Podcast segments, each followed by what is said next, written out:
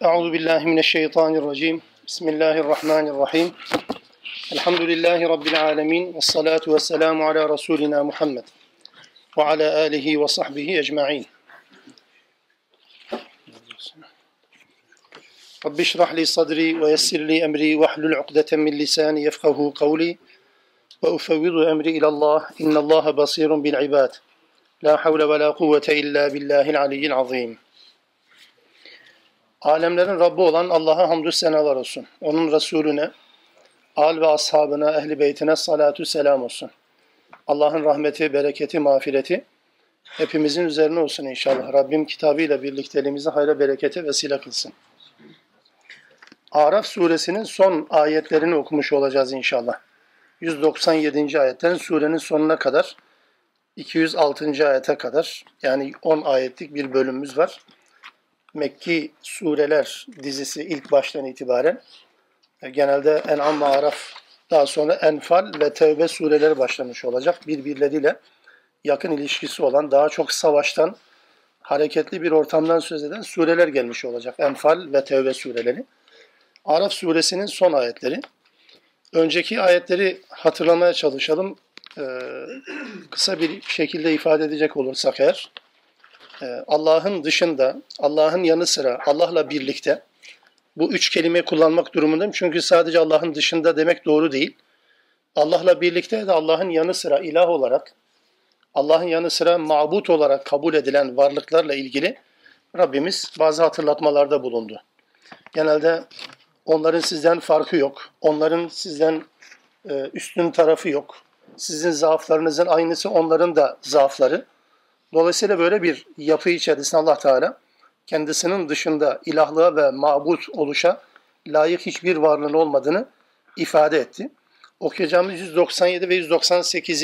ayetlerde bunu son kez hatırlatacak ve sonra surenin sonu kulluğumuzla alakalı hatırlatmalarda bulunacak. Bismillahirrahmanirrahim.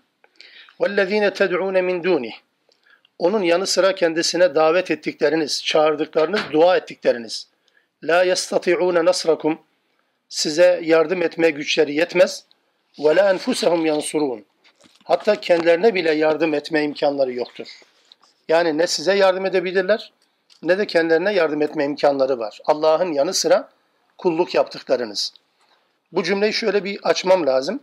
Allah'tan başka dediğimiz zaman sanki şirk mantığında sanki Allah yokmuş gibi, sanki Allah reddediliyormuş gibi algılanıyor. Öyle değil min duni ifadesi genelde Kur'an-ı Kerim'de hep bu şekilde dun dediğimiz şey şöyle bir şeyin yukarıda olması lazım ki aşağıdakine dun diyelim. Dun kelimesi. Yani bir şey yukarıda olmalı ki onun aşağısındakine dun demiş olalım. Yukarıda bir şey yoksa dun kelimesi olmaz. Yani mutlaka en üstte bir varlık olması lazım. O en üst varlığın bu değer itibariyle de böyledir. En üstün olan varlığın alt kısmında onun yetkileri, onun özelliklerini andıran, onun kadar olmasa bile ona yakın olan ya da azıcık onun gibi olan bir varlık için bu ifade kullanılır Kur'an-ı Kerim'de. Bunun Türkçe motomat karşılığı olmadığı için Türkçe okumaya, anlamaya çalışan bizler için sorun oluyor anlamak. Allah'tan başka deyince sanki Allah bir tarafa, putlar bir tarafa. Hayır. Allah'la birlikte ama Allah'ın yanı sıra. Allah'ın üstte yine değer var. Fakat Allah'ın Allah'ın yanı sıra hemen Allah'ın yanı sıra bir başka ilah var ya da başka ilahlar var. Kastedilen de bu. Bunların kendilerine yardımları yok. Size de zaten yardım etme imkanları yok. Yasin'de de Allah Teala bunu bize öğretir. E, biz bunu öllere okuruz. Biz bunu öllere okuyoruz. Halbuki Yasin'de aynı ifadeyi şöyle anlatır Rabbimiz. E, Evelem yarav e, vettehadu min dunillahi aliheten leallehum yunsarun. İnsanlar kendilerine yardım edilsin diye Allah'ın yanı sıra kimi ilahlar edinirler. Allah'ın yanı sıra kimi ilahlar edinirler. Amaç ne? لَعَلَّهُمْ yunsarun. Kendilerine yardım edilsin diye. Yardım amaç bu çünkü. Yani kendilerine medet beklenmek amacıyla. Devamında diyor ki 75. ayet Yasin. La yastati'una nasrahum. Onların onlara yardım etme imkanları yok. Tam tersine ne oluyor? Ve hum lehum cundun muhdarun. Tam tersine Allah'ın yanı sıra o mabut yerine, ilah yerine konulan varlıkların huzurunda o insanlar cündün muhdarun oluyor. Yani hazır ol vaziyetinde bekleyen askerlere dönüşüyor. Yani güya ilahlar insanları korumak için ediniliyor. Oysa insanlar ilahlarını korumak için huzurunda nöbet bekliyorlar. Yasin'in bu 75-76. ifadeleri ilahlık mantığını böylece çürütmeye çalışır Rabbimiz tarafından bizim bize böyle anlatılır.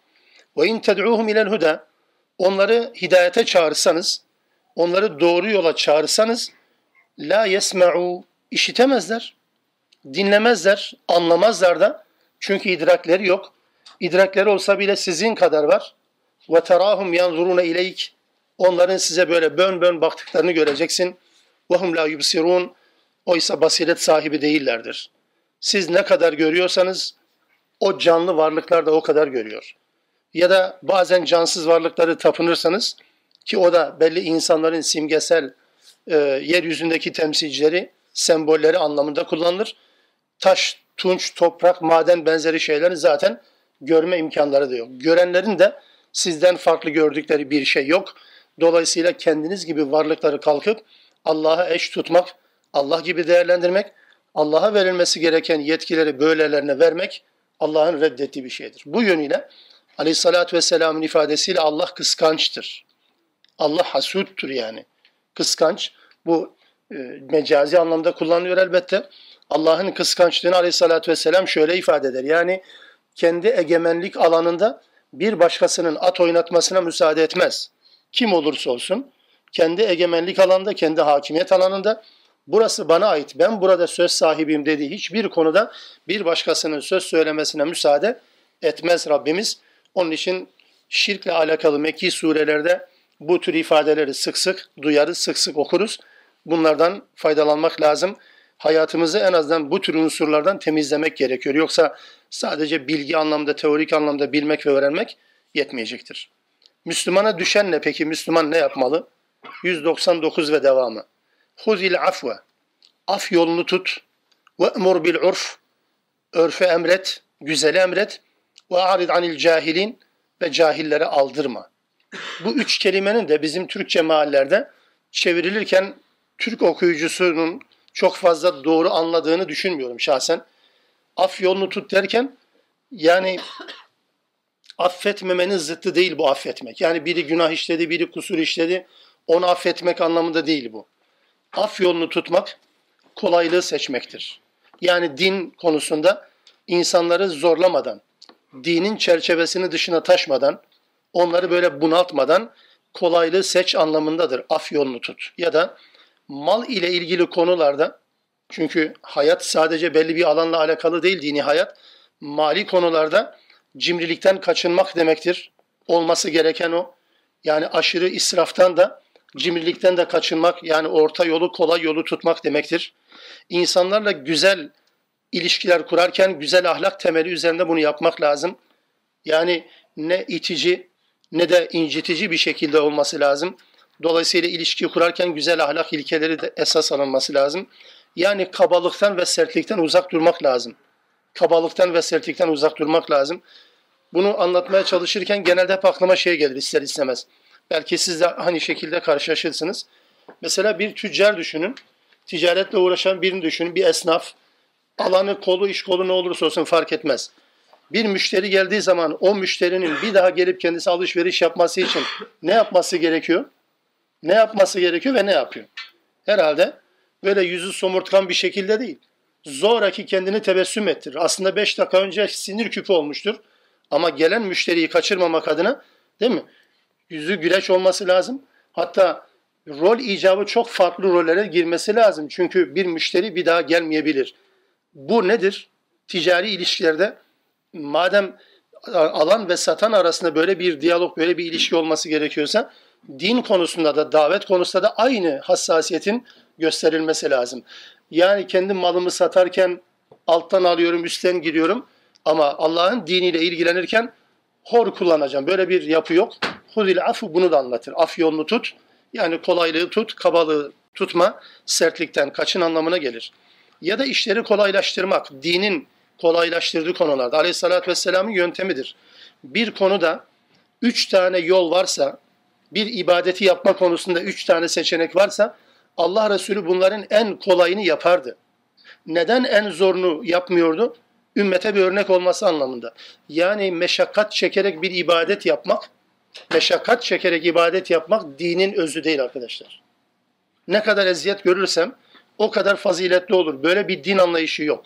O yüzden hulil afu bunu da kapsar. Kolaylaştırmak. İnsanları dav dine davet ederken, bir şeyler anlatırken kibar ve yumuşak bir üslup kullanmak gerekir. Ee, bu üslubu, kibar ve yumuşak üslubu kullanırken yani taviz vermek anlamına değil, yağcılık yapmak anlamına değil, gerçekleri örtbas etmek anlamına hiç değil, muhatabın duygularını okşamak için alttan üstten bir takım olmayacak şeyleri söylemek, gerçekleri çarpıtmaya çalışmak değil elbette bu. Bu iki noktayı birbirine ayırmak lazım. Huzil afu dediğimiz bu anlamda dinin temsilcisidir. Her bir Müslüman, her bir Müslüman dininin temsilcisidir. Müslüman olarak bir fert gayrimüslimlerin bulunduğu bir ortamda herhalde Müslümanlık oradan öğrenilir diye gösterilecektir. Yapı budur. Bunu kabul edelim etmeyelim. Yani bir Müslüman, Müslüman olmayan bir toplumun içerisindeyken İslam bundan öğrenilir diye işaret edilir. Dolayısıyla bunun temsilcisi olmak adına ne gerekiyorsa bunu yapmak lazım. Hudil afve budur. Ve emur bil urf. Örfe emret. Yani marufu, güzeli, iyi, en güzel emret. Tabi kelime bu anlamda da kullanılır. Emri bil maruf nehyanı münker gibi ama e, bu örf aynı zamanda Türkçe'de telaffuz ederken kullandığımız bir örf var. Örfün e, Kur'ani açıdan karşılığı yani uyulabilecek örfün. Allah'ın onayladığı örfün e, karşılığı şu. E, İslam'ın çizmiş olduğu sınırlarla çelişmemesi şartıyla. Meşruiyet çizgisini aşmaması şartıyla helal ve haram sınırları çatışmaması şartıyla toplumun değer verdiği bir takım örfler, davranışlar, adetler dinde karşılığı olmasa bile yeter ki dinle çatışmasın. Örf, adet ve gelenek dinle çatışmaması şartıyla bu da bir Müslümanın takip edeceği şeydir. Yani şunu sorgulamak durumunda mıyız? Bir şey yapacağız. Dinde bunun karşılığı var mı yok mu? Sormak lazım tabii ki.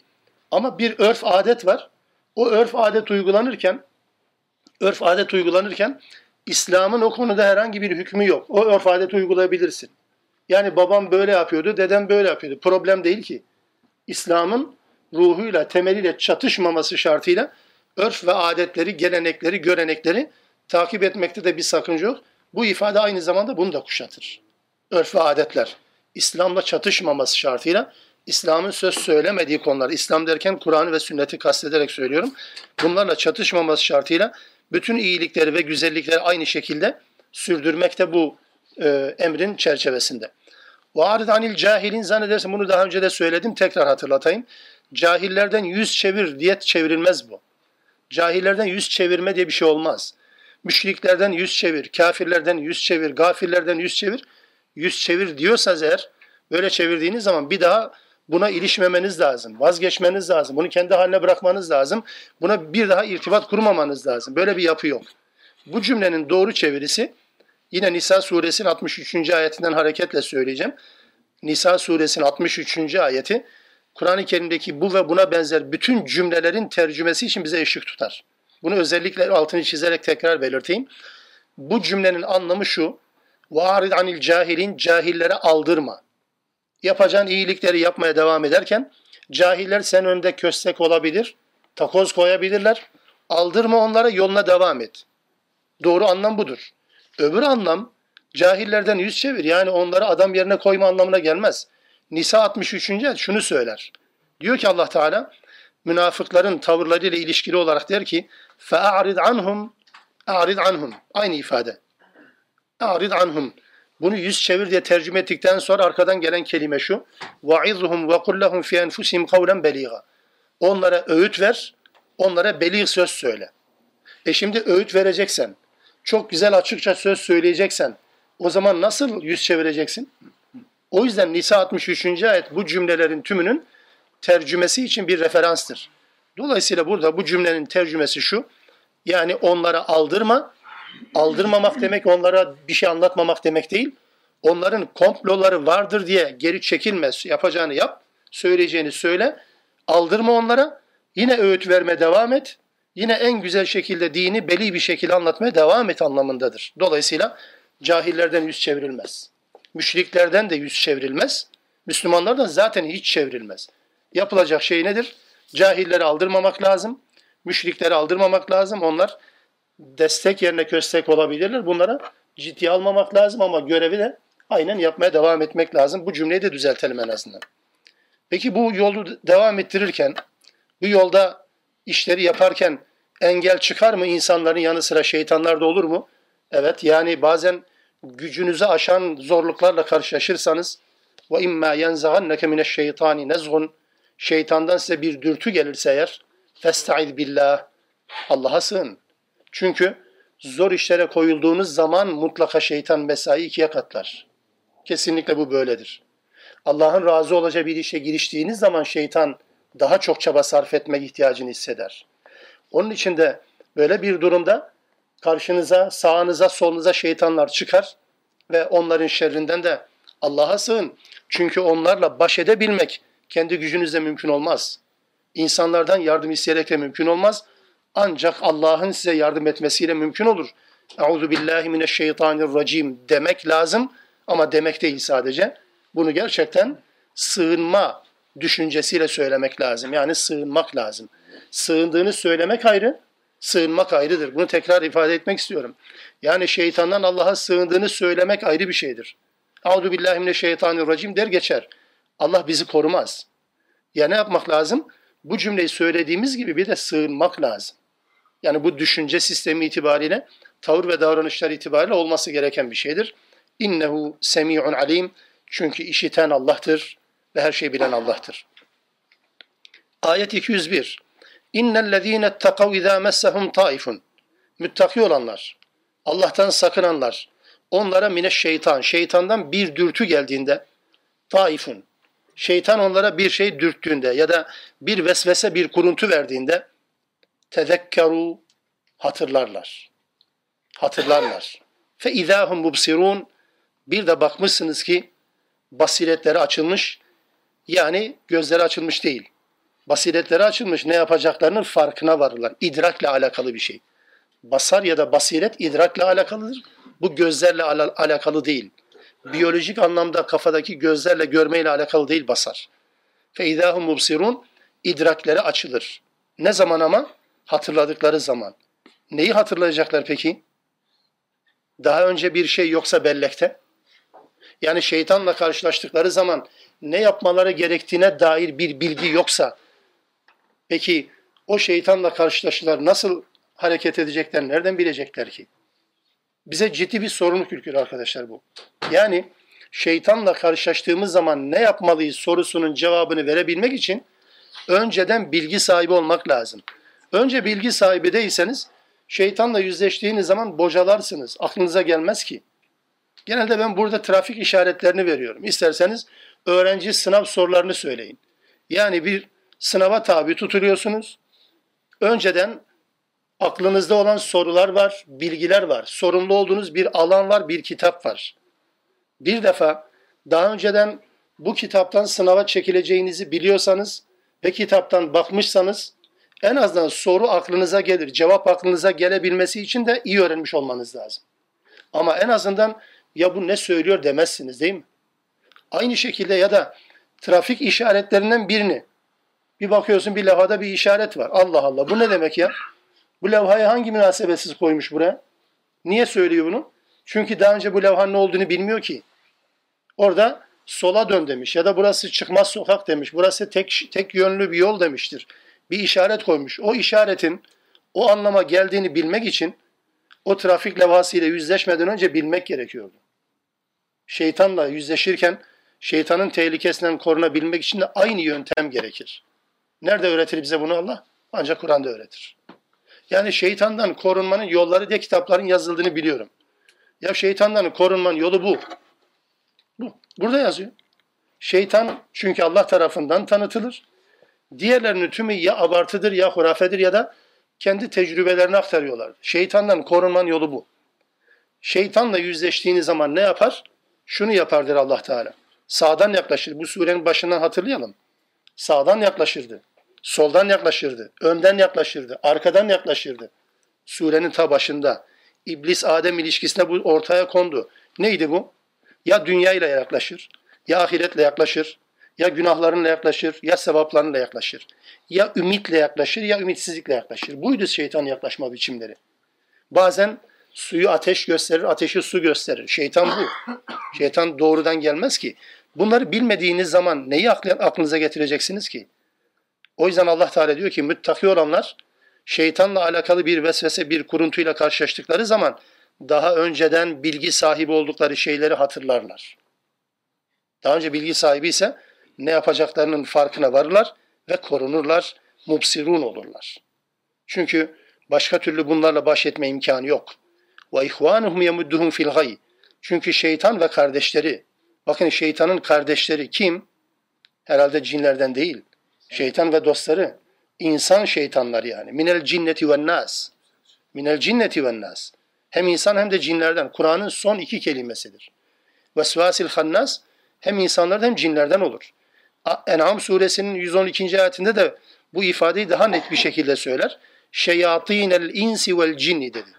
İnsan ve cin şeytanlarını insanlara musallat ederiz. Yani nebevi bir haberle yüzleştiniz mi mutlaka insan ve cin şeytanları sizi ondan alıkoymak için çaba sarf ederler. Durum buydu. Dolayısıyla onların kardeşleri de insanı habire azgınlık içerisinde uzatmaya, ümit ve vaat etmeye devam ederler. Sümme la yuksirun. Hatta bu konuda hiç kusur işlemezler. Ne gerekiyorsa onu yaparlar. Görevlerinde hiç kusur işlemezler. Gereken neyse bir insanı doğru yoldan saptırmak için ne gerekiyorsa onu yaparlar şeytan ve dostları. Ve izâ lem te'tihim bi ayetin onlara herhangi bir ayet vermediğin, getirmediğin zaman قَالُوا لَوْ لَجْتَبَيْتَهَا Keşke bunu seçseydin ya böyle bir şey getirseydin der. Kul de ki innema ettebi'u ma yuha ileyye min rabbi. Benden olağanüstülükler beklemeyin. Benden mucize beklemeyin. Allah'tan istemeniz gereken şeyleri benden istiyorsunuz. Ben Allah değilim, ben peygamberim.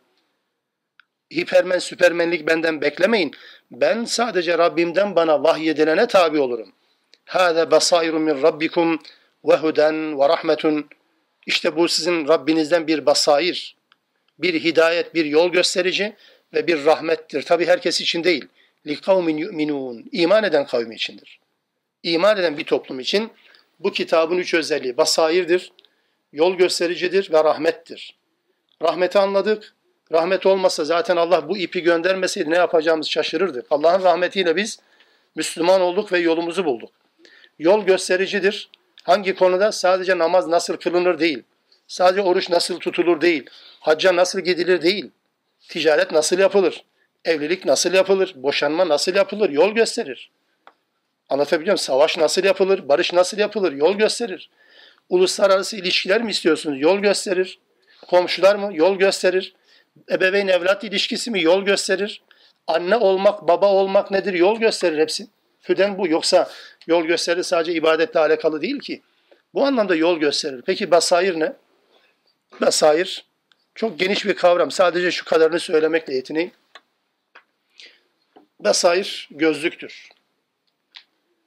Bu gözlüğün camı neyse gözlüğü gözünüze taktığınız zaman göreceğiniz de odur. O derece bozuksa bozuk göreceksiniz. Yeşilse yeşil göreceksiniz, kırmızıysa kırmızı göreceksiniz. Neyse. Basair budur. İfade etmeye çalışayım. Bir Müslümanla yani Kur'an'ı hayatının merkezine koyan, olaylara Kur'an gözüyle bakan bir Müslümanın olayları değerlendirme biçimiyle olaylara başkalarının kitabıyla bakanın değerlendirme biçimi burada ortaya çıkar. Burada ortaya çıkar. Besair budur. Yani aynı olayı iki farklı insan iki farklı şekilde değerlendirir. Tamamen birbirine taban tabana zıt.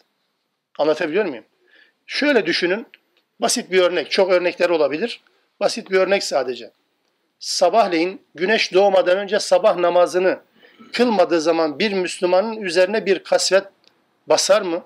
Sıkıntı yaşar mı? Bu ibadeti niye bugün yapmadım diye bir sıkıntı yaşar mı? Müslüman olmak bunu gerektirir. Öbürü de bir başkası da sen geceleyin sabaha karşı bir saat kala uykunu bozdun diye seni anlamakta zorlanıyor. Niye? Yazık diyor ya. Yani gecenin bu saatinde kalkılır mı kardeşim? Nasıl kalkıyorsun? Ya da oruç tutuyorsunuz. Allah aşkına Temmuz Ağustos ayında yani Allah emretmese hangi akıl ve mantıkla insan aç ve susuz kalabilir ki? Bir Müslüman önünden sular çağıldasa, buz gibi sular aksa tenezzül etmez. Birisi silah zoruyla içilse içmemeye çalışır ölümüne bile olsa nihayetinde. Öbürü de bunu anlamakta zorlanır. Garibim ya susuzluktan ölecek su içmiyor. Niye? Çünkü her birisinin gözüne taktığı bir gözlük var. Birisi Kur'an'la bakıyor, öbürü hayata başka bir şekilde bakıyor. Anlatabiliyor muyum? Bu çok basit ibadetle alakalı, ver, alakalı verdiğim örnekler. Hayatın bütün alanlarında aslında bu böyle değil midir? Yani ticaretle ilişkilerimiz, malla ilişkilerimiz, çocuklarımızla, eşlerimizle ilişkilerimiz, hayata bakışımız, anlatabiliyor muyum? İdareci, idare edilen ilişkileri, bütün bunların hepsini, uzatın hepsini, bütün bunlarla alakalı olarak doğru nedir, yanlış nedir? Herkesin kendi doğruları yarışıyor şu anda. Herkesin kendi doğruları yarışıyor. Mesela düşünebiliyor musunuz? Yanlış diye bir şey yok. Herkesin bir şekilde yorumlayarak vardığı kanaat zaten normal, yapılabilir diyor. En haram şeyler. Niye? Çünkü bakış açısı farklı, basair farklı. Onun basiretini sağlayan şey ilkeler farklı. Farklı olunca değerlendirme imkanı yok ki. Böyle ciddi anlamda Kur'an perspektifi dediğimiz bakış açısı aslında basair tam da bu. Şimdi aklıma geldi. Perspektif, bakış açısıdır. Kur'an bakış açısıyla Kur'an bakış açısıyla değerlendirmediğiniz zaman olayları doğruların sayısı fazladır. Zaten yanlış yapan kimse yoktur. Herkes doğru yapıyor. Bakın isterseniz ticari işlemlerde hiç yanlış yok. Herkes doğru yapıyor zaten. Kadın erkek ilişkilerinde zaten herkes doğru yapıyor. Çünkü oradan bakmıyorsunuz ki. Kur'an bu noktada size ışık tutmuyor ki. Sadece konjöktör hazretleri sizi yönlendiriyor. Şartlar sizi yönlendiriyor çünkü böyle icap ediyor, böyle gerekiyor. Böyle gerekince de her şey serbest. Her şey müsait hale gelebiliyor. Niye böyle yapıyoruz dediğimiz zaman da klişe cümle nedir biliyor musunuz? Daha orada mısınız? Basair bu işte. Basair tam da budur. Daha orada mısınız dedirtiyorsanız gerçekten basiretle bakıyorsunuz demektir. Yoksa zamana ve şartlara uyuyorsanız zaten problem yok ki herkes aynı işi yapıyor.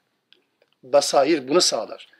Kur'an'ı önünüze koyduktan sonra yapılmalı, yapılmamalı.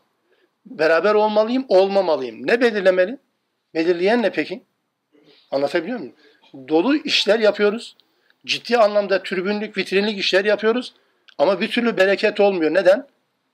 Çünkü bize yön veren bu değil. Basair değil yani. O anlamda ciddi problemlerimiz var.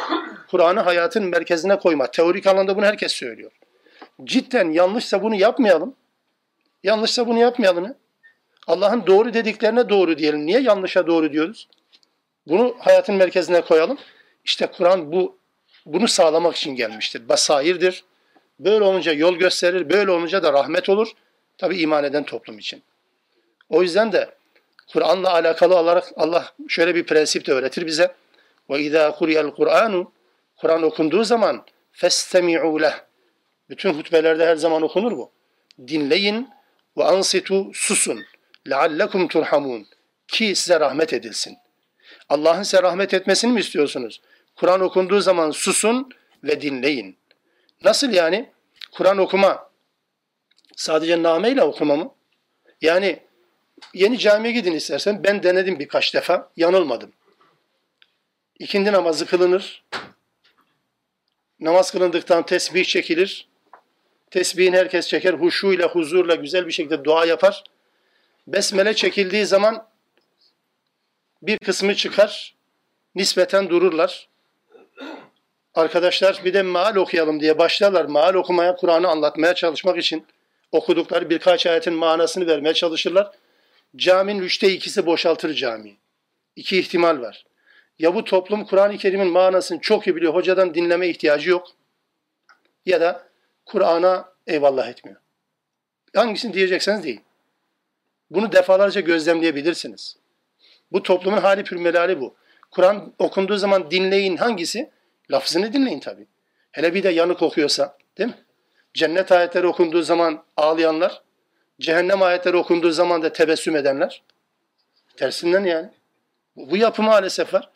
Kur'an okunduğu zaman susun ve dinleyin demiş Allah Teala. Öyle mi demiş ki? Böyle değil tabii ki ya. Dinlemek nedir? Bakın işitin demiyor. Festemi'u dinleyin. Ben şöyle bir şey desem şimdi arkadaşlar. Desem ki arkadaşlar bak önümüzdeki hafta biz Enfal suresine başlıyoruz. Hakikaten başlayacağız inşallah. Enfal suresine başlayacağız. Enfal suresinin ilk sayfasındaki ayetleri yarımız tefhimden, yarımız fizilalden, yarımız elmaldan, yarımız İbn Kesir'den okuyoruz tamam mı arkadaşlar? Okumak istemeyen kimse var mı? Yok. Tamam. Dinledik değil mi? Önümüzdeki hafta geliyorum şimdi. Arkadaşlar okuduk mu? Yok. Okuduk mu? Yok. Okuduk mu? Yok. Şimdi siz beni duydunuz mu, dinlediniz mi? Duyduk. Duyduk sadece. Dinlemek bu değil işte. Kur'an'ı dinlemek bu değil. Kur'an'ı herkes duyar. Kur'an duymak problem değil. Allah bunu emretmiyor. Festemiyor, dinleyin diyor. Dinlemek ne? Dinlemek gereğini yapmaktır. O yüzden Allah Teala Furkan suresinde bunu anlatırken de der ki onlar Rahman'ın kullarının özellikleri anlatılırken Rablerinin ayetleri hatırlatıldığında ayetlere karşı sağırlar ve körler gibi davranırlar. Umyen ve sum, summen ve umyane. Sağır ve kör kesilirler. Yani aslında görüyorlar ama görmezden geliyor. Aslında işitiyorlar ama işitmezden geliyorlar. O anlamda Kur'an okunurken işitin, duyun değil, dinleyin diyor Allah Teala. Susmak da ona odaklanmayla alakalı bir şeydir. O yüzden Kur'an okunduğu zaman ya da Kur'an okuyanlar Kur'an okuyacakları zaman e, insanların dinleyebilecekleri yerlerde okunmalı. Okunuyorsa bir yerde insanlar dinlemeli. Çift taraflı söylüyorum farkındaysanız. İnsanların dinleyecekleri yerde okunmalı. Okunuyorsa da bir yerde Müslümanlar dinlemelidir. Mezarlıkta da Kur'an yayını var. İlmihallerde koymuşlar. Zaten makineden çıkan sesi dinlemek şart değil. Çünkü insan sesi değil. Oh ne güzel değil mi? E, o zaman dinlemeyelim. Ne gerek var ki? Zaten de dinlenmiyor ki. Çünkü okunacak yer değil. Kur'an ağır, Kur'an'ın ağırlığını kaybettirdik. Rastgele bir yerde okunmaz ki. Kur'an okunacağı zaman neden bir edeple bir hazırlık aşaması gerekir? Paldır küldür hadi Kur'an okuyalım dediğiniz zaman o, o Kur'an değil. O Kur'an olmaz. Onun için okunacak yerin de tespiti önemli. Bir yerde okunduğu zaman da Müslümanlar dinlemeli. Saygısız, saygısızlık yapmaya sebep olacak bir ortam Kur'an'ın okunması sırasında saygısızlık yapılma, saygısızlık ne? Umursamamak. Umursamamak yani. Onun için, onun için e, saygısıza neden olacak bir ortama neden olmaktan, böyle bir zeminin oluşturulması neden olmaktan sakınılmalıdır. O yüzden mesela çarşıda, pazarda, sokakta, şöyle böyle rastgele her yerde insanların başka bir meşguliyetle haşir neşir olmak zorunda oldukları zeminlerde, ortamlarda Kur'an okutmak ve okutmak zaten peşinen diyorsun ki bu zaten müzikten farkı yok. Dinleyen dinler zaten. Ney faslı gibi düşünün işte. Aş. Kur'an bu değil ya. Kur'an insanlar konuşurken mesela Allah Teala ne diyordu? Eleysallahu bi ahkemin hakimin. Allah hakimden hakimi değil mi? Dediyse Allah sana bir soru sordu ya. Şimdi Allah'la konuşma sayılmıyor mu Kur'an Kur'an yani peygamberin ifadesiyle? Kur'an okuyan adam Allah'la konuşur. Allah diyor ki ben hakimler hakimi değilim. Değil miyim? Ben hakimler hakimi değil miyim? Ben de kapatıyorum Kur'an. Bitti ya sure bitti çünkü. Allah bir soru sordu ya. Ben bir soru sorsam Allah aşkına kimse yani e, arkasını dönerse ne olur? Ya da siz bana bir soru, hocam deseniz bir soru sorsanız ben de siz sormaya devam ettiniz. Ben de şöyle döndüm bu tarafa çevirdim yüzümü. Ne olur? Yaptığımız bu. İnteraktif okuma dediğimiz budur. Kur'an okunduğu zaman susmak ve dinlemek bu. Yoksa nameli bir şekilde okumak zaten onu herkes yapıyor. Hatta programlar var sıfır hatayla zaten okuyorlar. Değil mi? Makine, bilgisayar, telefon hepsi var. Biraz da çokluk mu bunun kıymetini düşürdü gibi görünüyor. Yani ilim ayağa düştü bu yönüyle. Hı? Furkan kaç? Furkan 73. 73. Evet. Kur'an okunduğu zaman susun ve dinleyin ki rahmet edilesin. Size rahmet edilsin. Bu leallekum turhamun da bu. Bakın rahmetin olunması neye bağlanıyor? O Kur'an okunduğu zaman susma ve dinlemeye bağlanıyor. O halde vezkur rabbeke fi nefsik. Ha şunu da söyleyeyim. Mesela dört ayet sonra bu sure biter. Enfal suresine başlar. Enfal suresinin üçüncü ayeti, ikinci ayeti şöyle. İnnemel mu'minûne ellezîne izâ zükirallâhu vecilet kulûbuhum ve izâ tület aleyhim zâdetu imana. Ayet okunduğu zaman imanlarını arttırır. Canınız isterse vallahi bu. Yani Araf suresini okumadan önceki imanımızla Okuduktan sonraki imanımız aynıysa hiçbir şey değişmemiş demektir. Geçmiş olsun. Önce bana sonra size. Yani ayet okunmadan önceyle okunduktan sonra bir farkı olmalı. Bir farkı olmalı, bir kıpırdama olmalı.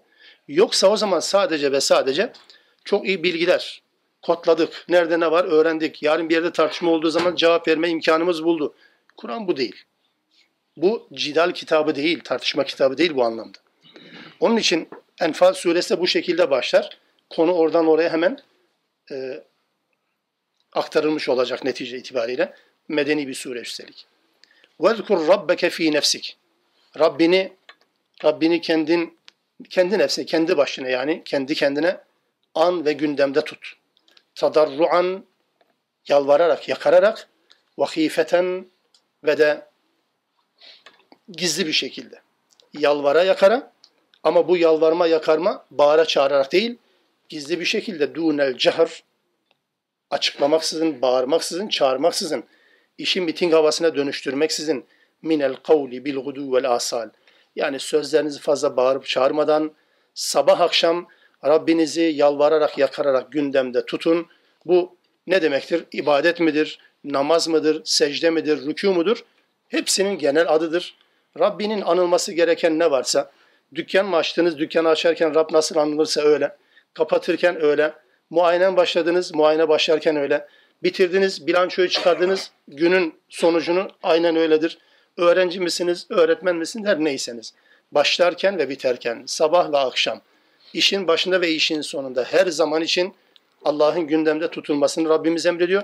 Bunu yaparken de böyle şova dönüştürerek değil, bağırarak çağırarak değil, duayı yalvararak, yakararak yaparken de en azından bir ürperti emir verme komutunda, komut biçiminde değil yani, emir verme biçiminde değil. Ne demek yani bu? Çünkü biz genelde Allah'a emrederek dua yaparız. Allah'a emrederek dua yaparız. Yanlış mıyım? Yani ya Rabbi şunu yap. Tamam. Ya Rabbi bunu yapma. Ya insan mesela birine yalvarırken ona karşı ne kadar muhtaç olduğunu ifade etmek için biraz boynunu büker ya. Biraz sesini düşürür. Sanki böyle Allah emreder gibi yap, yapma, yap, yapma, yap, yapma şeklinde. Öyle değil. Tadarru bu değil. Tadarru yalvararak, yakararak yani muhtaç olduğunu, zelil olduğunu, Allah bir şey yapmasa ben hiçbir şey yapamam anlayışının insan üzerinde görüntülenmesi lazım. Tazarru budur. Ve la tekun minel gafilin. Sakın gafillerden olma. Sakın gaflette yani Allah'tan habersizmiş gibi yaşayan insanlardan olma. 206. ayet secde ayeti. Bu secde ayetini söylemeden önce bir şey izah etmem lazım. Çünkü e, toplumda e, yerleşmiş olan bir gelenek vardır. Secde ayeti okunur.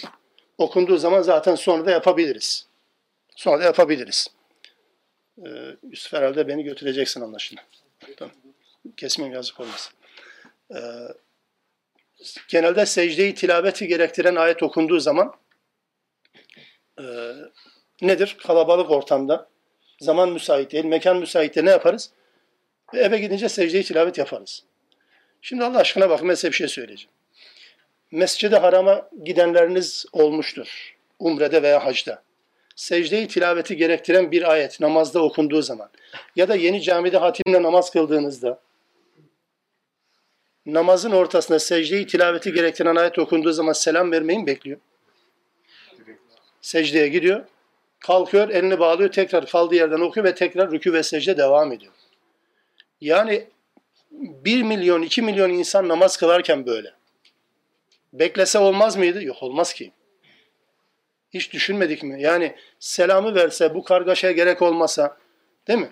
Özellikle bizim Türklerin yarısı hep havada acaba ne oluyor ya nereye gidiyoruz falan diye. Çünkü böyle bir sıkıntı yaşıyoruz. Ne o? Secde-i tilavet bu ya. Zamanı ertelenmez. Bakın namaz bile kesiliyor. Yani kesiliyor derken namazın rüküsü ve secdesine gitmeden secdeyi tilaveti aradan çıkarmanız lazım tabiri caizse.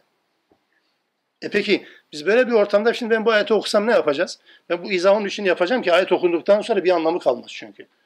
Secde-i tilavetle alakalı yapılması gereken ilk ve öncelikli şey şu arkadaşlar. Bunu özellikle hatırlatayım. En güzeli zaten Kur'an okuyan ya da Kur'an dersine gelen Müslümanlar zaten abdestli olur genelde. Genel anlamda beklenen budur. Şart değil ama en azından bu böyledir. Abdestli olmak, mümkünse kıbleye dönmek ve nizami bir şekilde bir tilavet secdesi yapmak. Yani alnını yere koyup üç defa Sübhane Rabbiyel Ala dedikten sonra Allahu Ekber deyip tekrar kalkmak. Secde-i tilavet budur, kıbleye dönerek. Peki böyle bir zeminde nasıl yapacağız şimdi? Mesela, hadi burası neyse müsait. Mesela ben bu dersi, bu ayeti bir konferans salonunda ders anlattığımı düşünün. De zaten yaptım da. Ne yapmamız gerekiyordu? Yani arkadaşlar burada kalsın sonra secde yapalım. Ya namazda ara vermek gerekmiyor ki burada nasıl ara vereceğim? Hocam abdestsiz sefer nasıl olacak burada ya? İşte ben de onu söylüyorum. Yani. Secde-i tilaveti biz ilmihallerden bize şöyle öğretildi. Mutlaka abdest olması lazım. Mutlaka kıble dönüş olması lazım. Namaz secdesinden farkı yok. Oysa oysa hadis kaynaklarında mesela Buhari'den itibaren bakın kitabı secde-i tilave, tilavet secdesi bölümü diye geçer. Secde-i tilavetin yapılmasından sadece söz eder. Kıble şartından söz edilmez, abdest şartından söz edilmez, nizami bir secdeden söz edilmez. Tekrar hatırlatıyorum. Nizami olarak yapmak mümkün, en güzeli o. Yoksa sahabe diyor ki öyle bazen kalabalık secde edecek yer bulamıyorduk diyor. Secde-i tilavet ayeti okundu. Secde edecek yer bulamıyorduk. Ne yapıyordu peki? Erteledik mi? Ertelenmez bu. Ayetin gereği hemen yerine getirilir. O açıdan tilavet secdesi ile ilgili ayet okunduğu pozisyonda, bunun secde gerektiren bir ayet olduğunu anladığınız her zeminde, hangi mekanda, hangi ortamda bulunursak bulunalım, secdenin yapılması lazım. Secdenin yapılması lazım. Nasıl yani? Diyelim ki ben secde ayetini bu pozisyonda okudum. Ne yapayım? Şimdi bir, bir dakika bana ara verin. Ben bir secde kıbleye arkadaş bir de önümden geçin. Öyle mi diyeceğim? Olmaz ki böyle bir şey. Şöyle yaparım. Secde budur zaten. Direksiyonda gidiyorsunuz. Makine okuyor. Değil mi? Virajda değilseniz evet direksiyonda secde edin. Virajdaysanız tabii olmaz. Virajı geçin sonra. Tabii tabii aynen öyledir. Tabii ki. Secde-i tilavet ayeti okunuyor. Ne yapacaksınız? Arabayı durdurup kenarda beklemeniz mi lazım? Değil. Ya secdeye varmanız lazım. Secde bir nedir? Allah Teala diyor. Secde edin ben ben ne diyorum? Yani mesela diyecek ki Allah Teala şunlar secde ederler. Bunu duyduğum zaman ben de diyorum ki ya Rabbi ben de onlardanım. Böyle secde ediyorum. Ya da Allah diyor ki müstekbirler secde etmezler. Secde tilavet ayeti buna benzer gelir. Bazen bu formda gelir. Ben de diyorum ki ben onlardan değilim. Ben secde ediyorum. Ya da Allah diyor ki secdeye varın. Ben diyorum tamam ya Rabbi emrin başım üstüne secdeye varıyorum. Ne bekleyeceğim ki? Hangi pozisyonda olursanız olun nizamisi abdestli ve kıbleye dönerek yapmak. O yoksa ortamda hangi pozisyondaysanız o pozisyonda secde varmanız lazım. Ben bunu anlattım bir yerde böyle sandalyede oturuyor. Dedim herkes sandalyenin yani arkaya yaslandığı yer öbür taraf tabii arkadaki ona secde edecek sandalye. Olur mu olmaz mı herkes birine bak dedim. Valla siz biliyorsunuz. Şimdi beni dinliyorlar dersi. Bak Arap suresinin sonuna kadar dinliyorlar. Ama bu secde ayetinin uygulamasını söyleyince atalarının diniyle çatışınca dinlemiyorlar. bu sözü söyledikten sonra sizin dinlememe seçeneğiniz kalmadı. Onu da söyleyeyim yani. Tamam mı? O yüzden secde-i tilavet ayeti okunduğu zaman yapılması gereken aynen budur. Bulunduğunuz pozisyon neyse. Dönün kıbleye, dönmeyin kıbleye. Sırt sırta, arka arka fark etmez. Sandalye köşesi mi, koltuğun, kanepenin arkası mı? Hiç önemli değil. İçinize sinmedi mi? Siz bilirsiniz. Bekleyin. Bir gün sıra gelir yaparsınız. Ya da burada böyle yapın. Gidin evde tekrar bunu yaparsanız yapın ama burada buna tabi olmanız gerekir. İşin daha vahim tarafını söyleyeyim. Secde-i tilavetle alakalı bu hassasiyet niye başka emirlerde yok? Bu tilavet secdesini gerektiren emir geldiği zaman hemen bu secdeden bahsediyoruz değil mi? Allah Teala diyor ki faizden kaçının. Hadi secde edin. Yok. Kıyafeti böyle yapın. Yok. Şunu yapın. Gözünüzü koruyun. Ayaklarınızı, ellerinizi koruyun. Ticaretinizi böyle yapın. Ailenizi şöyle oluşturun. Şöyle evlenin. Böyle boşanın. Çocuklarınıza böyle davranın. Anne babaya şöyle muamele edin. Bunların hepsi secde gerektiren şeyler. Yani boyun eğmeyi gerektiren şeyler. Bizde genelde secdede para falan çıkmıyor cebimizden. Bir sıkıntı da yok. Çok ucuz bir şey. Çok ucuz bir ibadet. O yüzden bunu yapmak zorundayız zaten o anlamda. Ama e, buna dair Buhari'nin tabi geniş teferruatlı detaylı araştırma imkanınız varsa araştırın benim bu dediklerimi. Çünkü dinle, ibadetle alakalı kural şudur arkadaşlar. Bir konuyla alakalı bir emir varsa var. O emir yoksa kimse ona bir emir koyamaz, ilave edemez. Anlatabiliyor muyum? Yani secde-i tilavetin kıbleye dönerek ve abdesti bir şekilde yapılması gerektiğine dair bir kural varsa peygamber tarafından böyle bir kural konmuşsa tamam. Konmamışsa bu her halükarda yapılabilir demektir. Bu konuyla alakalı eğer zamanınız olursa tefhimden Mevdu denen Allah rahmet eylesin. Bu surenin bu son ayetiyle alakalı, 206. ayetiyle alakalı tilavet secdesiyle alakalı birkaç paragraflık bir mütalası var. Ona da bakmanızı tavsiye ederim özellikle. Bakarsanız bu dediklerimi orada da bulabilirsin. De, daha derli toplu bir şekilde. İnnellezîne inde rabbike İşte Rabbini sabah akşaman gündemde tut ama bağırarak çağırarak değil tazaruyla yalvararak ve yakarak ve muhtaç olduğu hissini vererek yap. Ve innellezîne inde rabbik Rabbinin yanında olanlar, Rabbinin huzurunda olanlar la yestekbiruna an ibadetihi onun ibadet, ona ibadet etmekten kaçınmazlar. Ve yusebbihunehu onu tesbih ederler ve lehu yescudun ve ona secde ederler. E ben de secde edeceğim tabii ki.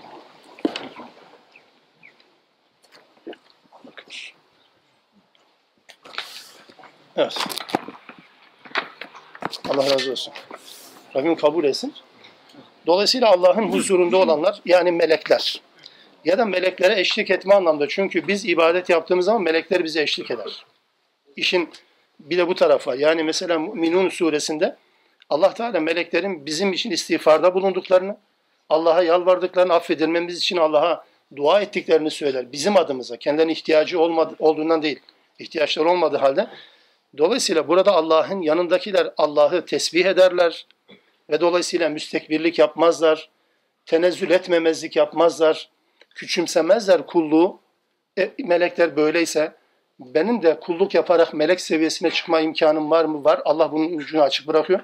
Onun için biz de meleklerin yaptığı bu eyleme eşlik ediyoruz. Onlara ortak oluyoruz. Rabbimiz derecelerimizi yükselsin, yücelsin inşallah. Araf suresi bu e, tavrımızla, bu eylemimizle bitmiş oldu. Yani biz şunu dedik aslında. Evet ya Rabbi senin buraya kadar 206 ayetlik söylediğin bölümün tümünü kabul ettik. Başımıza gözümüz üstüne kusurlarımız olabilir, tam ve mükemmel olmayabilir. Sana layıkı vecihle kulluk yapamamış olabiliriz, yapamayabiliriz belki. Bizim eksiklerimizi sen tamamla. Onun için biz namaz kıldığımız halde namazdan sonra estağfirullah deriz. Aynı şekilde söylüyoruz. Subhaneke Allahümme bihamdik. Eşhedü en la ilahe illa ente estağfiruk ve etubu ileyk. Onun için derslerden sonra söylüyoruz. Eksiğimiz varsa Rabbim bu eksiğimizi tamamlar inşallah. Sonraki sure Enfal suresi inşallah. Onu da bir ayetini okumak suretiyle en azından e, son vermemek adına bırakayım. Yes'elûnek bismillah. Yes'elûnek anil enfal. Sana ganimetlerden soruyorlar. Kulil enfalü lillahi ve rasul. Ganimetler Allah'ın ve Resulünündür. Fettekullah.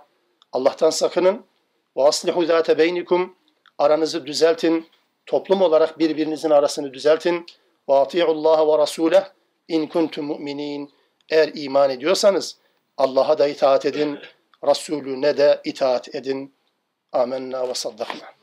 Allah hepinizden razı olsun.